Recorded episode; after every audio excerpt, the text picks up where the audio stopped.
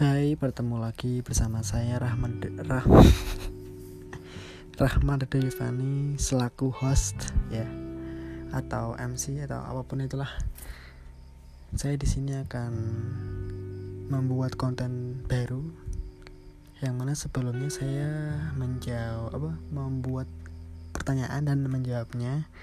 Kalau untuk sekarang ini saya akan membuat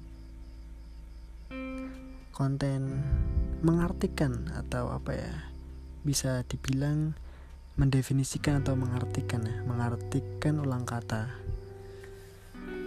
Uh, episode episode pertama ini saya akan mengartikan ulang kata dewasa.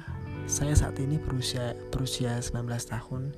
Jadi ini akan menjadi part pertama kemungkinan kelak ya kelak mungkin saat saya berusia 20 tahun saya akan membuat part kedua. Sebenarnya sulit mengartikannya. Jujur aku belum dewasa. Bagiku dewasa adalah fase di mana kita bertemu realitas yang nyata adanya. Sudah saatnya untuk memikirkan hal-hal yang dianggap prioritas. Kebanyakan dari manusia-manusia yang sedang berada dalam fase dewasa sulit menentukan dan menetapkan tujuan hidupnya. Menurut aku, itu sebuah kewajaran. Memang bukan hal yang mudah untuk mengurusi masa depan yang akan datang. Kita sebagai manusia dewasa mulai kemungkinan akan bertemu dan memasuki istilah quarter quarter life crisis atau mungkin ada yang stuck di krisis identitas krisis identitas Sebenarnya bukan hanya dua masalah psikologis itu saja. Ada banyak masalah yang akan datang ketika ketika kita beranjak dewasa.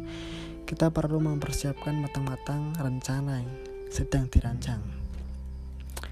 Akan ada banyak akan mungkin akan akan ada banyak tuntutan mungkin ya dari lingkungan.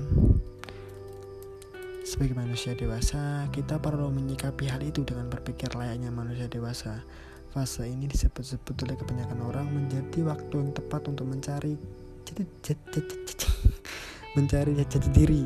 Entah itu benar atau tidak bagiku selama masih hidup kita berhak untuk mencari. Aku ini siapa?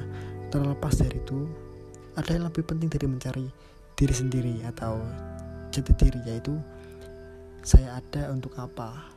Kita hidup sudah lama dan kontribusi apa yang sudah kita lakukan Menjadi orang besar di usia muda memang susah, tapi seenggaknya kita memiliki peran kecil dalam membangun peradaban di lingkungan sekitar. Sebagai contoh, membangun sampah di tempatnya, menghargai segala kondisi masyarakat, kalau perlu membantunya dengan melakukan apa pun, setidaknya mereka terbantu, atau membantu negeri ini dengan belajar. Sekian, terima kasih. Via sampai dia perfect ciao. Wow, wow, wow.